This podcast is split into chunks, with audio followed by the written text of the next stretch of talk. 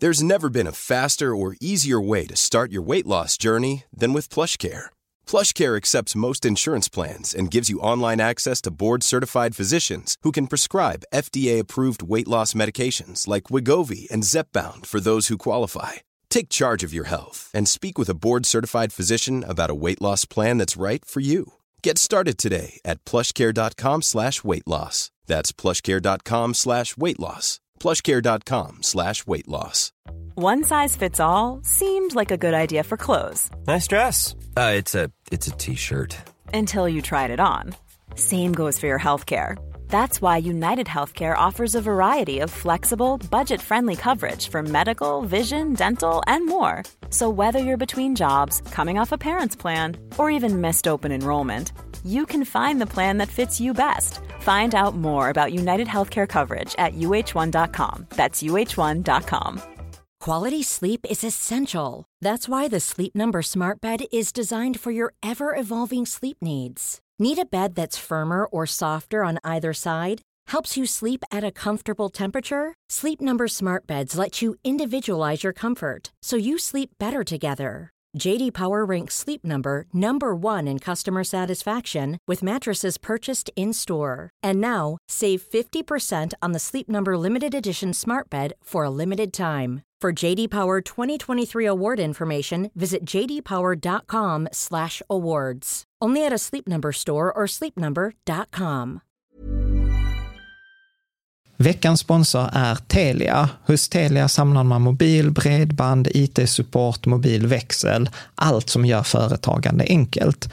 Och det är just det här att samla allt på ett ställe, att ha någon att vända sig till när det inte fungerar, det är Telia. Ett exempel på vad som inte är Telia, det är ju som när jag lyckas boka förmötet för en poddinspelning med Finansinspektionen till efter själva inspelningstillfället.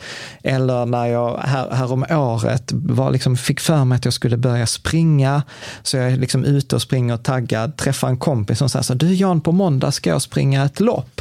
Och jag känner så här, ja men det låter inspirerande, så jag käkar pasta, jag byter om, tar mig ner till Malmö stadion för att göra en efteranmälan, står där i kön och sen så när jag liksom anmäler mig så tittar de på mig och säger så här, du Jan, vårhuset är bara till för kvinnor.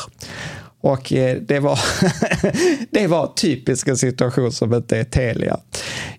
Oavsett, ett stort tack till Telia som sponsrar, gör Rika Tillsammans möjligt, men framför allt tack till dig som lyssnar, följer och eh, hänger med oss varje vecka.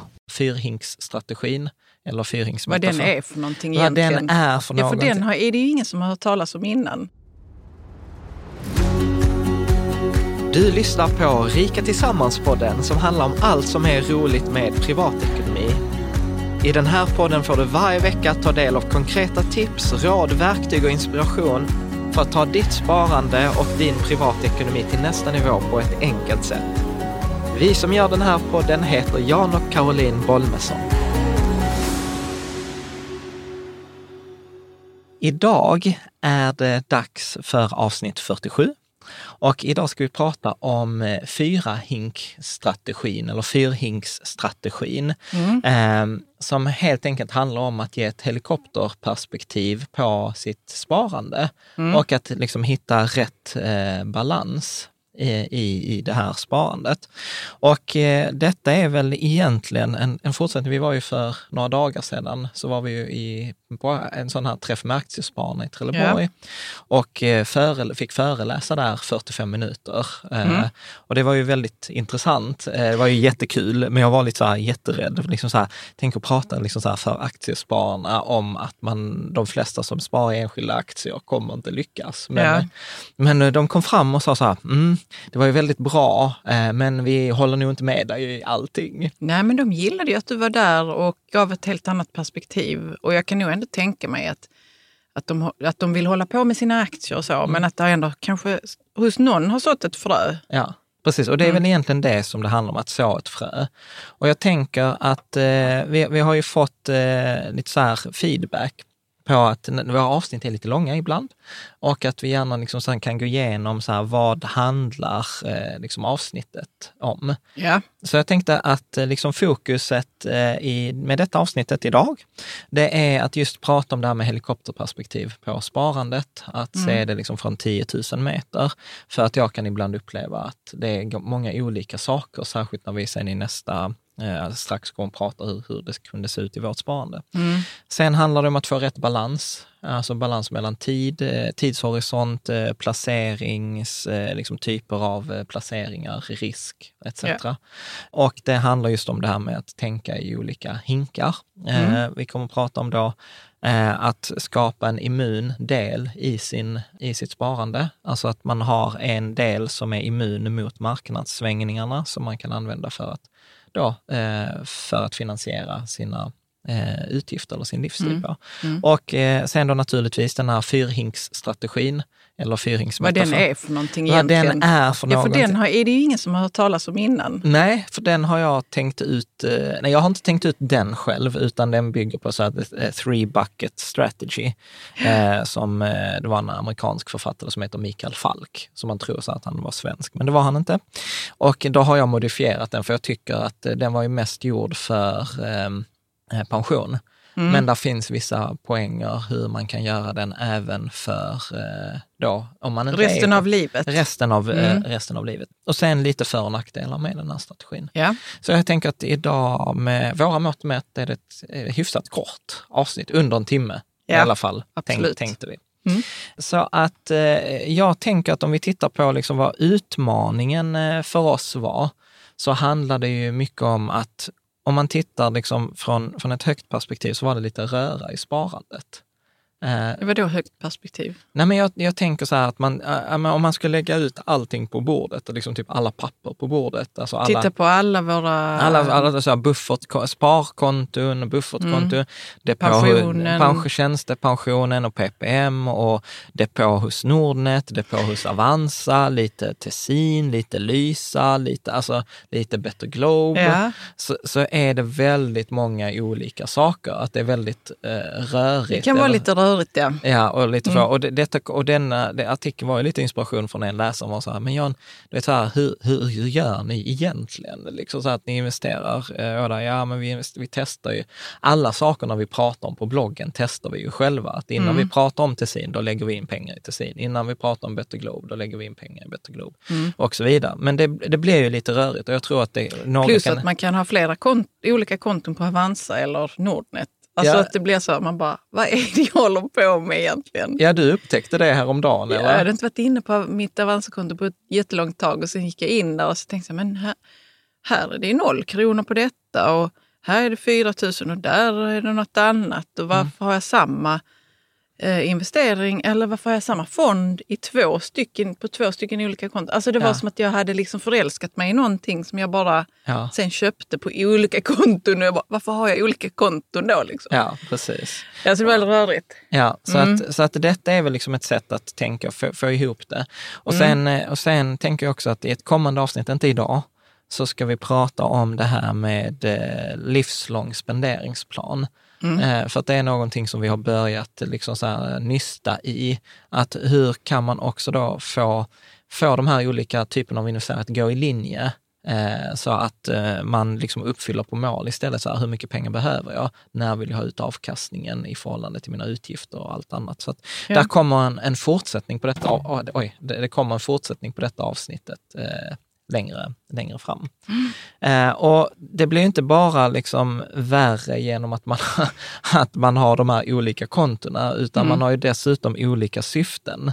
Ja, eh, precis. med de olika, ja. alltså till exempel du har ju, okay, du har ju två, jag vet att du har två ISK-konton, men sen har du ett IPS alltså en individuell mm. tjänstepension, mm. inte individuell pensionssparande. Mm. Det som vi inte rekommenderar att man sparar i längre. Innan Nej, var ju det skatte... precis innan var det väl okej, okay, men nu... Nej, men innan hade, kunde man dra av 12 eh, 000 kronor skattefritt eh, ja. på det, men det kan man inte längre.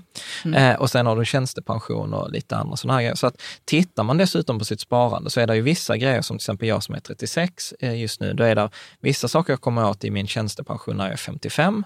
Sen är det ju andra saker som jag inte kommer åt förrän jag är 65 ppm kan jag komma ihåg när man är 61, så att där är dessutom olika tidshorisonter. Ja. Och sen har vi dessutom det här med både nybörjarportföljen och, och globala barnportföljen, där vi har liksom olika risknivå. Mm. Eh, och det var detta då som jag upplevt ett tag, att det har varit lite rörigt och liksom så har jag haft min Excel-fil, eller vår Excel-fil som vi har tittat i. Men nu så var jag så här, nej, men kan man inte bara tänka lite bättre? Ja. med det. Så att detta är ett förslag eh, som, som bygger, vi har ju inte hittat på det, utan tvärtom att vi inte har hittat på det tror jag är en Det är bra, fördel. kanske. för då kan man ju läsa mer om det eh, Mm. på, på nätet. Och vad det handlar om är ju just att få det här, alltså syftet med den här fyrahinksstrategin är att få balansen rätt, att eh, liksom få tidshorisonterna rätt, få avkastningskraven rätt eh, och dessutom liksom få det i linje att, att rulla med ens löpande eh, ekonomi. Mm. Och det bygger då på ett resonemang i hinkar. Eh, Mm. Och eh, på engelska heter den här three bucket eh, strategy. Eh, Ja. men eh, då har jag lyckats eh, lägga till, liksom så här, är- Lägga till en hink, varför inte? ja, precis. Är man, är man ingenjör... Men det gör inte det mer komplext, utan Nej, faktiskt tvärtom. enklare tycker jag. Ja, men Mm. precis. Och, och, och jag tänker, det är väl liksom ingenjören i mig, så här, kan man ta någonting och kan man göra det lite, lite bättre? Men i alla fall, vi hoppar rakt in i det. Och här vill jag också säga till dig som bara lyssnar på det här avsnittet, att titta gärna in på bloggen på riketsammans.se, kolla den senaste då artikeln, för att ofta är det som så att vi, vi spelar ofta in avsnitten innan vi skriver artikeln. Mm. Och, och då blir det ofta att ibland så tänker jag så här, gud det där skulle vi också ha sagt i artikeln, men det kommer inte med. Då, och då skriver vi det ju ofta, I artikeln, ja. mm, ofta eh, senare. Så att eh, jag tänker vi, vi börjar med den här första hinken då. Ehm, och det är ju eh, bufferthinken. Mm. Det är Eh. ditt namn på den. För han, Mikael Falk, hade ju Ja, precis. han hade benämnt hinkarna 1, 2 och 3. Precis, så då tänkte Men du så här- kallar denna bufferthinken Ja, precis. 1. Mm. Eh, och då är, då är teorin så här, att man tittar då att den första hinken, den ska innehålla ett års utgifter. Mm. Alltså samma summa. Så har man eh, som familj då utgifter för till exempel 400 000, då ska hink 1 innehålla 400 000. Men den ska, behöver inte innehålla 400 000 exakt, för man räknar av de inkomsterna som man har garanterat. Ja, Okej, Ja, och vad- kan det vara då? Jo, nej, men då, då tänker jag eh, att... Men då, tänker du lönen, alltså, eller vad tänker du? Ja, men exakt. Eh, då, då är det ju då framförallt lön. Alltså säg Mm. att man har en fast anställning och man har två månaders uppsägningstid. Då vet man ju så här, men då har vi i alla fall vars två månadslöner. Eh, liksom. Och då kan man räkna bort dem. Så säg att man har 25 000 efter skatt eh, i sin månadslön. Eh, då är det ju 50 000 per person och då är det Ja. 100 000. Så då kan vi, vänta, 50 000 per... eh, En månad 25 000 efter Ja. skatt och så har jag två månader, då är det 50 000. Ja, okej. Men vi är Mm. två stycken som har det. Så då blir det 25 gånger 4, 100 000. Mm. Och, då, och då kan jag räkna av de 100 000 från de 400. Så att målet är ju att den här hinken, eh, första hinken ska täcka ett års utgifter. Och minus då alla de säkra liksom, pengarna man får i form av bidrag, pension, lön, uppsägningstid, a-kassa etc. Så, så att vi har börjat där med, från de här 400 000 som är alla då utgifterna vi har på eh, ett år till exempel. Då drar vi bort de 100 000, då är det 300 000 kvar. Sen vet man, okej, blir Men jag där var det bara två månader, eller hur var det? Ja, alltså för det var det som var uppsägningstiden. Ja, som precis. vi sa. Ja. Ja, det Ja. märks att det är eftermiddag för mig. Ja. Ja, okej. eh, och, eh, sen, och sen så tittar man, okej, men okej, om jag blir arbetslös, då får jag en a-kassa och då får jag en a-kassa på kanske 14 000 Mm. i månaden. Ja, men bra, då vet jag att de andra tio månaderna, eh, efter då den här uppsägningstiden på två Ja. månader, eh, då får jag 140 000. Och min partner får kanske samma, så det är 140 000 där också. Mm. Eh, så då har vi eh, 280 000 plus de där 100 vi hade Mm. innan, då är det två- 380 000 som är ganska säkra intäkter. Och då betyder det att då behöver ju eh, den här egentligen bara innehålla kanske 20 000. För, det, Precis, ja. för att det är det som hade behövt kompletteras. ja för Eh. först tror man att det verkligen ska behövas 400 000, men nu har du ju räknat åt oss och det, Ja. är, för denna familjen då, 20 000 krävs Ja, det i precis. bufferthinken. Ja, så bufferthinken ska innehålla liksom ett års eh, utgifter minus då de pengarna som är säkra. Ja, Eh, helt enkelt. säkra Sen- inkomster. Ja, sen kan man gärna, sen brukar jag rekommendera att man, jag tycker att man ändå kan ha lite högre buffert, men det är liksom, så här går teorin. Ja. Helt enkelt. Är man pensionär, då räknar man av pensionen. Är man, eh, går man till exempel, lever man på socialbidrag eller sån, eh, det, det stödet, då räknar man bort det. Okej? Så då är det första hinken. Och de här pengarna, de ska vara helt trygga. Alltså de ska vara helt trygga, så att då är det typ sparkonto med insättningsgaranti Okej. som man har eh, de pengarna. Även då kan man argumentera, men det är ju döda pengar. Ja, det, det är den kostnaden man får ta för att eh, liksom ha För att de man här... inte sätter dem på risk alls. Exakt, Mm. exakt. Eh, så att då är det eh, de. Jag skulle ändå rekommendera, jag brukar rekommendera att man ska ha lite mer än 20 000, men det var mest för att göra ett räkne, räkneexempel. Om vi då fortsätter till, eh, till nästa. Eh, och jo, jag kan också säga så här, den här första hinken den fyller man ju på med sitt sparande. Så att eh, när man då har till exempel jobb eller sina inkomster och man, man sparar pengar, då sparar man först i denna hinken. Ja. Men när denna hinken då är full, då liksom svämmar ju den här hinken över och då går den liksom till då hink nummer två. Och eh, hink nummer två, det är ju den då som vi kallar liksom för eh, mellanrisk. Eh, hinken. Och mellanriskhinken, här, här finns det, googlar man då den här three bucket strategy så finns det massa olika teorier, men man säger mellan tre och sju års utgifter. Och då räknar man på precis samma sätt. 3 till 7 års utgifter minus de inkomsterna som man har. Och då har man liksom ett, eh, nytt, ett nytt mål. Så för denna familjen hade det varit samma utgifter, då ska det vara 140 000. Så Ja. 20 i den första, 140 i den, i den andra. Sen får man ju anpassa det till sin egen nivå. Och då är det 140, det ska egentligen vara 7 gånger 400. Men eh, det är, vad blir det, 2,8 miljoner. Det låter mycket. Men ja, men så blir det eh, eh, på sju år. Ja. Men då räknar man ju bort de bidragen man hade haft under den tiden och så blir det kanske då några hundratusen eh, över som man bör fylla på. Och den här portföljen då, då är det mellanrisk. Så här tycker jag att man har eh, nybörjarportföljen är till exempel en fantastisk lösning i den här delen.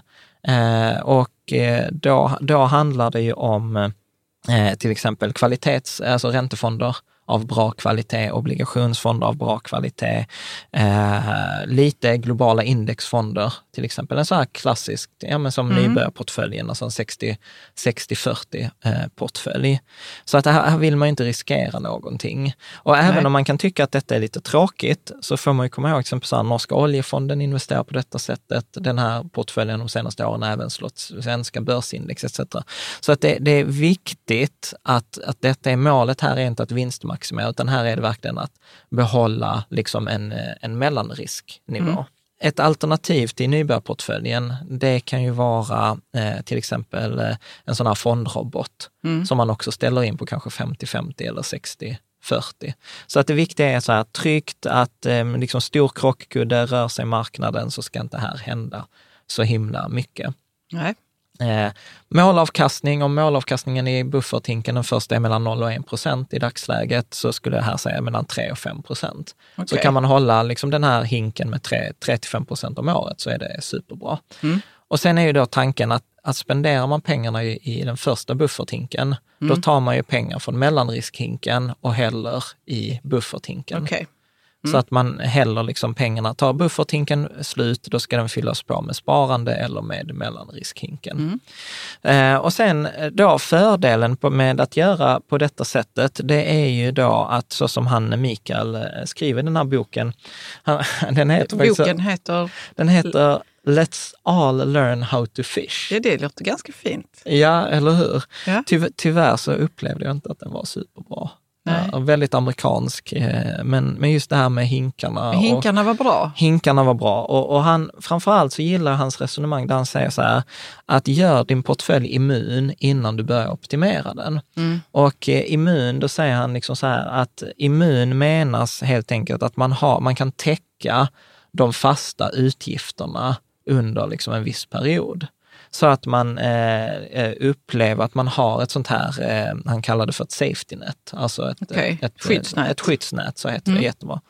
Och då menar han också att om man gör detta, om man gör sin portfölj immun på det här sättet, då kan man ju ta mycket högre risk med gott samvete i de andra delarna. Och då behöver man aldrig oroa sig, tar jag för hög risk eller tar jag för låg risk? Utan du har ju de här hinkarna hjälper dig med att hitta rätt, eh, rätt risknivå. Och då säger han, då kan du ju liksom i de sista två hinkarna välja liksom oavsett risk eller volatilitet, som man då nästan alltid pratar om när det mm. gäller fonder. Mm. Eh, och då säger han liksom att okay, men då har du, eh, liksom, för han skriver detta mest utifrån ett pensionsresonemang. Och då skriver han så då kommer du klara din pension och den enda överraskningen eller som, är, eh, som kan påverka är typ hälso, eh, om det händer något på hälsosidan. Ja. Mm.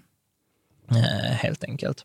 Och eh, då, och då har liksom, så de första två hinkarna är att göra portföljen immun, eller ja. att göra den, liksom att skydda den så att man kan då finansiera sin livsstil om något oförutsett eh, händer. Och detta går, de här två första hinkarna går också i linje med det som vi brukar prata om, att ha max eh, liksom 10 procent i aktieindexfonder per år du kan låta pengarna vara. Så det är därför jag säger 50-50, 60-40 portfölj.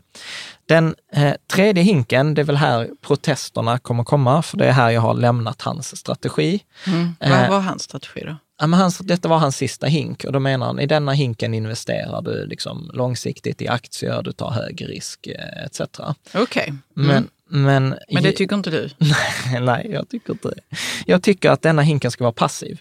Och vad, vad menar, betyder det då? Jo, men det jag menar med att den ska vara passiv är att eh, man låter pengarna eh, vara. Alltså man låter, alltså, allt det egentligen vi pratar om på bloggen. Alltså ha till exempel globala barnportföljen, globala indexfonder, låga avgifter, långa tidsperioder. Inget så här försöka överträffa index eller ta höga risker eller alternativa investeringar, utan så här, en trygg, säker eh, portfölj som kommer jobba på.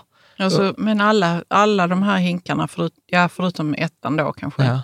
ska jobba på länge väl? Alltså båda de mellanhinkarna? Ja, alltså tidshorisonten för den första hinken brukar man prata 0 till 1 år. Ja. Eh, tidshorisonten för den andra hinken är ju mellan då 3 till 7 år. Mm. Och denna är ju 10 år plus, eh, skulle jag säga. Så det är därför okay. jag pratar globala barnportföljen, en 90-10-portfölj. Man har råd att liksom riska Men, lite. Exakt, för du har ju de andra två hinkarna som skyddar dig. Och mm. då kan du säga att, säga att du har eh, tre eller, eh, liksom, ja men säg tre års utgifter i mellanriskhinken ja då vet du ju så här, okej okay, om börsen dyker i, i, med 50 procent eh, och det sen det kommer ta fyra år för den att återhämta sig, ja då behöver du inte pilla på den portföljen utan då tömmer du mellanriskportföljen. Mm. Så du behöver aldrig sälja de tillgångarna som har liksom fallit i värde. Så det är liksom ett sätt lite att skapa barriärer mellan olika pengar som ska användas vid olika tillfälle. Eller det är, så, det är så tanken är. Och här tänker jag väl att man ska ha 7-8 procents målavkastning per år. Mm. Och det får man ju ganska över en längre tidsperioder. Det är ju det som vi har skrivit om i andra artiklar, att sparar du bara tillräckligt långsiktigt så jämnar börsen ut de här eh, svängningarna mm. eh, över tid. Så att det är passiva hinken och sen kommer slutligen den fjärde hinken. Och det är ju den eh, då som jag tänker eh, är den aktiva hinken. Ja. Eh, och Ja. Nu, kommer, nu kommer aktiespararna bli glada. Ja, precis. Nej, men den fjärde, den fjärde hinken handlar ju om den aktiva hinken, så att det är här man eh, sparar själv i sina aktier som man väljer, eller sina, om man vill ha fonder som man tror ska slå marknaden, som när jag får frågan så här, men ny teknikfonden, var hör den hemma? Ja, men den hör hemma här. Mm. Alltså mm. alternativa investeringar, typ som eh, Saveland eller Tessin eller Better Globe eller sådana Trine, de hör mm. också hemma i denna hinken. För att här kan du ju verkligen också ta mycket högre. Förlorar du allt här, ja, det är ju inte så kul, men du har tre andra hinkar som är majoriteten av dina pengar. Så att jag tänker ju att eh, till exempel den här aktiva hinken, kanske 20 procent i storlek av den passiva hinken, tänker jag. Så att det inte är för mycket, men den behöver inte vara för liten heller. Liksom. Men hur stor skulle den kunna vara? Nej, men jag tänker säga att du har eh, 100 000 kronor. Då skulle jag fördela 80 000 i den passiva hinken och 20 000 i den, i den aktiva hinken. Så att liksom här på, när vi visar de här powerpoint-slidesen här på Youtube eller på, i artikeln på bloggen, då har jag ju ritat den mycket mindre. liksom. Ja, det har eh, Så att Jag undrade varför. Ja, men precis. För jag tycker inte den ska vara i fokus. För att eh, det där kommer mer handla om att ha roligt än att man kommer känna... Lekhinken. ja. Ja, precis. Nej, och sen så tänker jag då att man häller då pengarna eller vattnet uppifrån och ner. Så man börjar då spara i sin bufferthink. När den är full, då går man till mellanriskhinken. När mellanriskhinken är full, då går man till den passiva. Och sen kan man då med den passiva aktiva kan man börja lite samtidigt. Och, och, sen, eh, och det är ju då man har ett överskottssparande. Om man då eh, inte kan fylla på bufferthinken med sitt sparande, ja då får man ju fylla på andra hållet. Att ha mellanriskhinken minskat till hälften, ja då får man ta pengar från den aktiva och den passiva hinken och fylla på mellanriskhinken. Och och är sen bufferthinken tom, ja då får man hälla på från mellanriskhinken till, eh, till bufferthinken. Så jag tänker, detta är väl liksom så andra eller tredje gången du hör mig prata om den här hinkstrategin. Ja, men det är Va, vad är din reflektion? Vad tänker du? Jag, tycker, jag tycker alltid det är skönt när man får eh, någon slags struktur. Mm. Alltså när, det, när meningen med en ny, ett nytt sätt att jobba är att det ska vara lättare för dig att få en överblick. Alltså jag Mm. älskar ju det med överblickar och känna att det är jag som bestämmer och har, håller i taktpinnen över till exempel min ekonomi. Så det, ja, jag gillar det. Ja, vad Ja. skönt. Och Men och, och, vad, vad ser du till exempel, hur skulle du tänka eh, på, på din eget, om du skulle ta ditt Avanza-konto? Hur skulle du fördela? Ja, men det är en bra fråga. Jag vet inte om jag kan, kommer kunna svara på det nu. Mm. Men eh, har du själv tänkt ut någonting speciellt?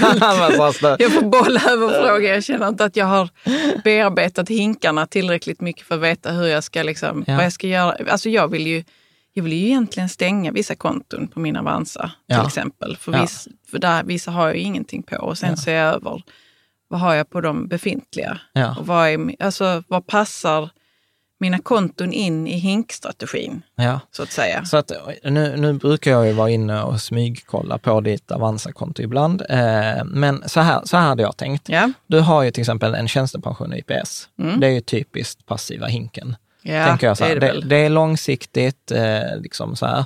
Sen, sen skulle jag säga att vi har ju buffertkontot, så bufferthinken har vi. Mm. Så att jag skulle säga att det du saknar, alltså nu, nu pratar vi liksom dig isolerat, så det blir ju konstigt för att i vår totala ekonomi har vi ju detta. Men du har ju ingen mellanrisk-hink. Nej, precis. Så att- så att vad, skulle, vad, vad skulle vi lägga där då? Liksom? Ja, men då Är det skulle, jag ta, då, skulle, ja, men då skulle jag ta ditt, det ena ISK-kontot som du har. Då hade jag byggt där nybörjarportföljen till exempel, Mm. en 60-40-portfölj upp då till en lämplig summa. Mm. Och sen har du ju jättemycket i din, i din aktiva hink. Där har du till exempel dina Tesla-aktier. Men jag har inte så mycket Tesla, så har jag inte två stycken. Jo, det har du. Men, Men, du du har, menar att de är dyra kanske? Eller? Nej, men de har väl gått jättebra. Du, är du har ju liksom så här, du köper ju och sen glömmer du ju verkligen bort dem, så det har gått bra. Nej, men så jag menar så att, och jag tror, varför jag tog upp detta som exempel är för att jag tror att det är många som kommer kunna känna igen sig i detta. Ja, det tror jag Att, också. att man har ett, ett Mm. pensionssparande som är då typiskt den passiva hinken. Sen har man säkert ett buffertsparande som är bufferthinken och sen har man säkert aktiva grejer. Ja, men, ja det, till, det kan till och med vara så att man har allting, allt, alla sina pengar i en aktiv hink. Ja, precis. Att, att man Alltså, har aktiv, precis, att man har aktiv, Ganska vanligt att, man, att man ska ta hög risk och man ska... Eh, för att man tror att det, det passar ihop med hög avkastning. Mm. Alltså, ja, man ska men... hålla på med aktier, man kanske har blivit värvad av någon kompis som mm. gillar aktier jättemycket. Att mm. Det är det som är grejen. Liksom. Alltså, jag tror det är ganska vanligt. Ja, och särskilt om vi tar så här, eh, att, precis som du säger, att, att man börjar för man tycker det är roligt mm. eller sånt och så har man eh, en tilt alltså mot det här jättehög risk. Och det var ju, det var ju, det var ju länge sedan vi hade så här, liksom, över 30 kommentarer på en artikel eh, och, så, och det var ju den vi gjorde för två veckor sedan, när vi var så här 90 10-portfölj eller 100-0. Mm. Och då mm. pratar vi en rätt marginell förändring mellan 100 aktier eller 90 aktier och vi är fortfarande i passiva hinken. Ja. Du vet så att de, de eh, läsarna som tycker att jag är crazy på 90 procent, de kommer väl säkert rulla ögonen när jag pratar om, vet du vad, du behöver en ganska stor del i din eh, mellanriskportfölj mm. också.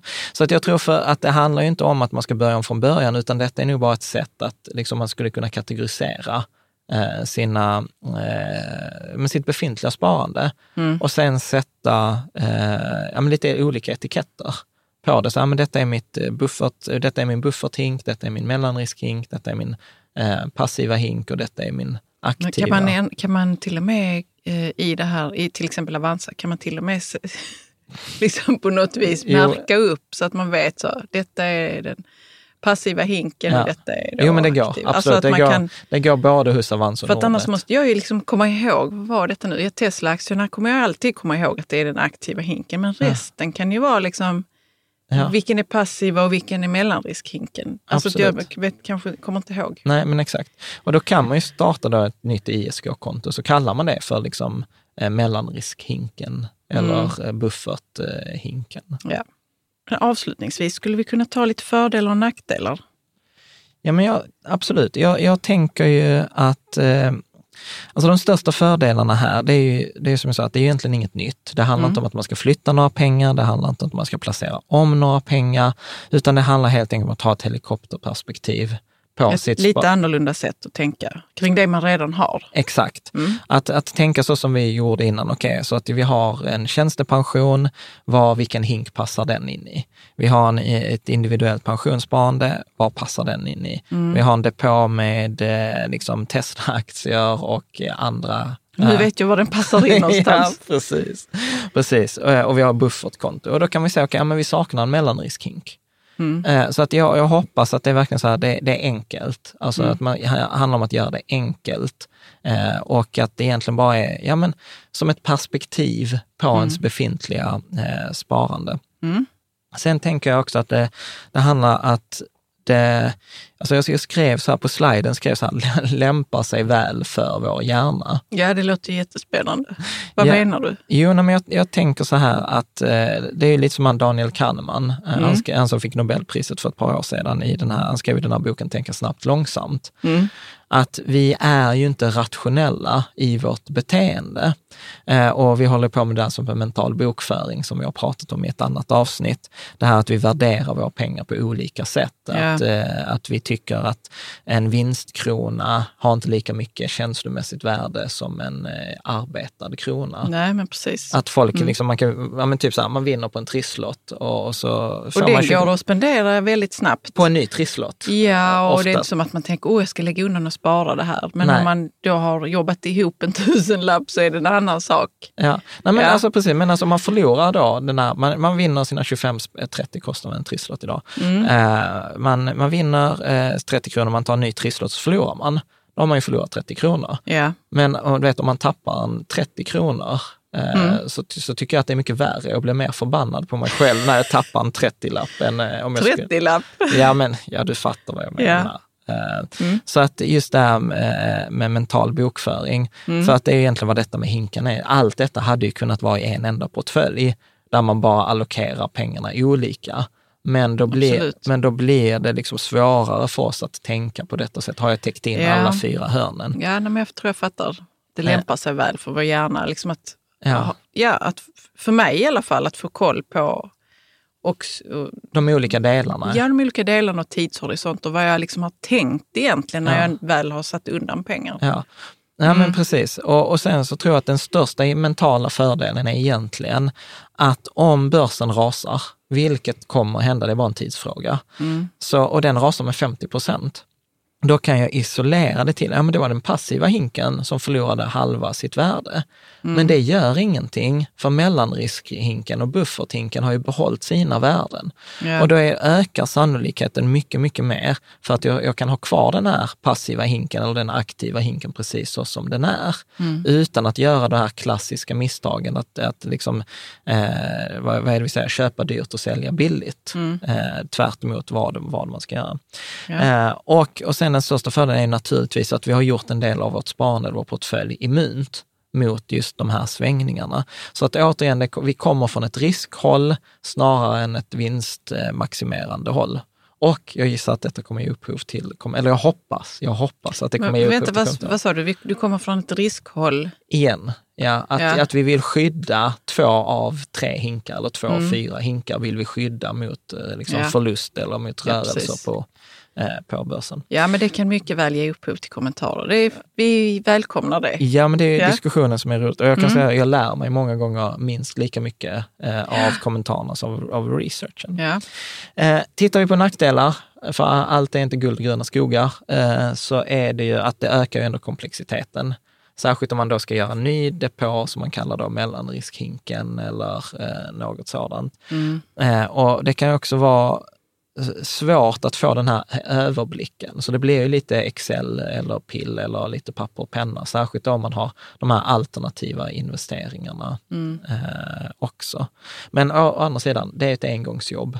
Eh, så har man... Jag tror ändå att om man är inne på att få ha lite överblick över sina investeringar så har man nog Alltså man har ju ändå glädje av att ha skrivit ner det på något vis. Ja, ja men Ja. precis, att ha den här, den här översikten. Mm. Sen, sen en kritik som om man googlar, eh, som man väldigt eh, ofta brukar prata om, det är ju att eh, den skiljer ju inte sig nämnvärt eh, från de här, eh, liksom en systematisk strategi som man brukar kalla för så här 4 regeln Det vill säga att man plockar ut 4% av kapitalet per år. Eh, den här Trinity-studien. Eh, och den kan ju många gånger vara enklare, för då har man en portfölj, man plockar ut 4% Men jag, återigen så tror jag att det där är lite i teorin. Jag tror att det är få av våra sparare som bara har en depå.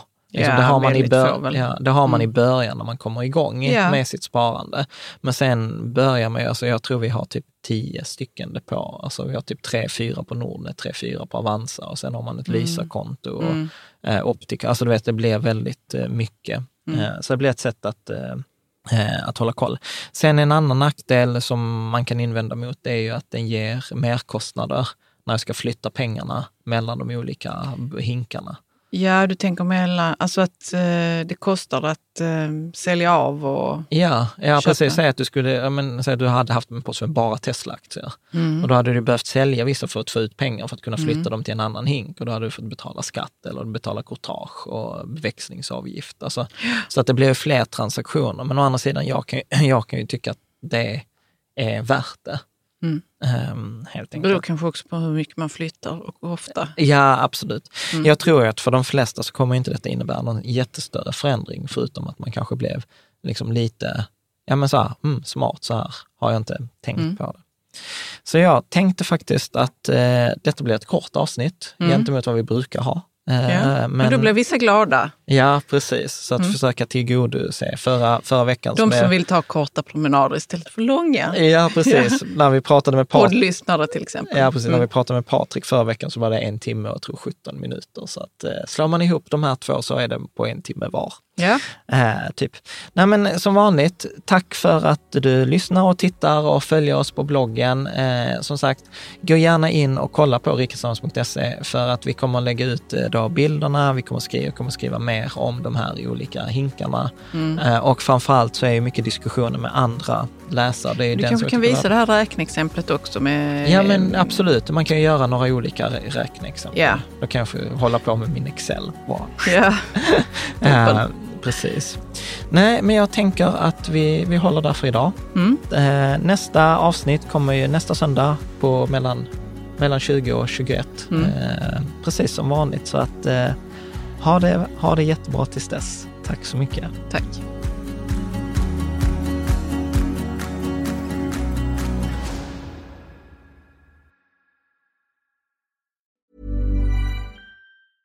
Mom deserves the best, and there's no better place to shop for Mother's Day than Whole Foods Market. They're your destination for unbeatable savings, from premium gifts to show-stopping flowers and irresistible desserts. Start by saving 33% with Prime on all body care and candles. Then get a 15-stem bunch of tulips for just $9.99 each with Prime. Round out Mom's menu with festive rosé, irresistible berry chantilly cake, and more special treats. Come celebrate Mother's Day at Whole Foods Market. Planning for your next trip? Elevate your travel style with Quince. Quince has all the jet setting essentials you'll want for your next getaway, like European linen, premium luggage options, buttery soft Italian leather bags, and so much more. And it's all priced at 50 to 80% less than similar brands. Plus, Quince only works with factories that use safe and ethical manufacturing practices. Pack your bags with high-quality essentials you'll be wearing for vacations to come with Quince. Go to quince.com slash trip for free shipping and 365-day returns. Hi, I'm Daniel, founder of Pretty Litter. Cats and cat owners deserve better than any old fashioned litter. That's why I teamed up with scientists and veterinarians to create Pretty Litter. Its innovative crystal formula has superior odor control and weighs up to 80% less than clay litter. Pretty Litter even monitors health by changing colors to help detect early signs of potential illness. It's the world's smartest kitty litter. Go to prettylitter.com and use code ACAST for 20% off your first order and a free cat toy. Terms and conditions apply. See site for details.